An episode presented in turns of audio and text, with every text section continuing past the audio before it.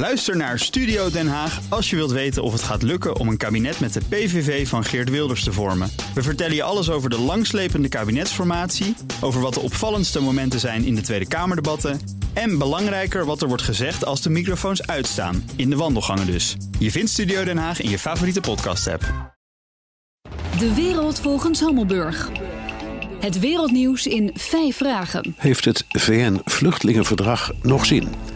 Remco Hermens meldde de volgende vragen. Vraag 1. Wat heb je aan een vluchtelingenverdrag als de VN-veiligheidsraad feitelijk vleugellam is?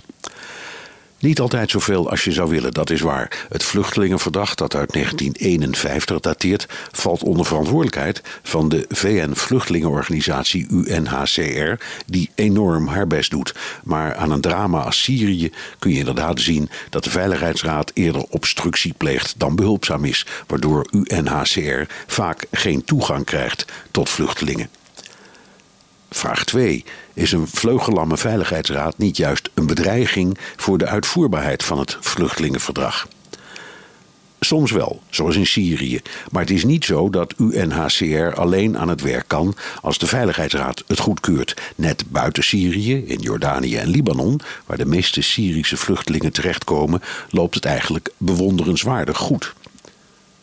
Vraag 3 is er met de aanhoudende migratiedruk nog een regulerende rol voor het vluchtelingenverdrag. Nee, maar daar gaat het verdrag niet over. De 150 deelnemende landen hebben zich vastgelegd op het beginsel dat ze vluchtelingen en asielzoekers, zo staat het echt in de verdragstekst, niet mogen terugsturen naar het land waar ze gevaar lopen. Maar over de vraag waar die vluchtelingen en asielzoekers dan heen moeten, staat in het verdrag geen woord. Vraag 4.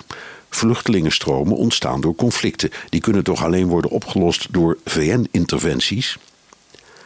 Als conflicten worden opgelost, is dat vrijwel altijd via bemiddeling of door rechtstreeks contact. Denk aan de vrede tussen Israël, Egypte en Jordanië. Of aan het Goede Vrijdagakkoord dat het conflict in Noord-Ierland beëindigde. Of aan de pogingen van Donald Trump en Kim Jong-un om nader tot elkaar te komen.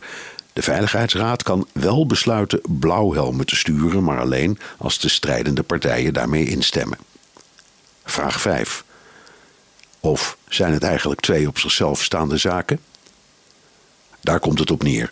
De falende Veiligheidsraad is een drama, of het nu MH17 betreft of het gebruik van gifgas. UNHCR biedt jaarlijks hulp aan 50 miljoen mensen. Het loopt niet allemaal op rolletjes, maar de Veiligheidsraad kan aan UNHCR een voorbeeld nemen. Dank Remco Hermens. In de wereld volgens Hammelburg beantwoord ik elke zaterdag vragen over een internationaal thema. Hebt u een onderwerp? Stuur dan een mail naar onlineredactie.bnr.nl.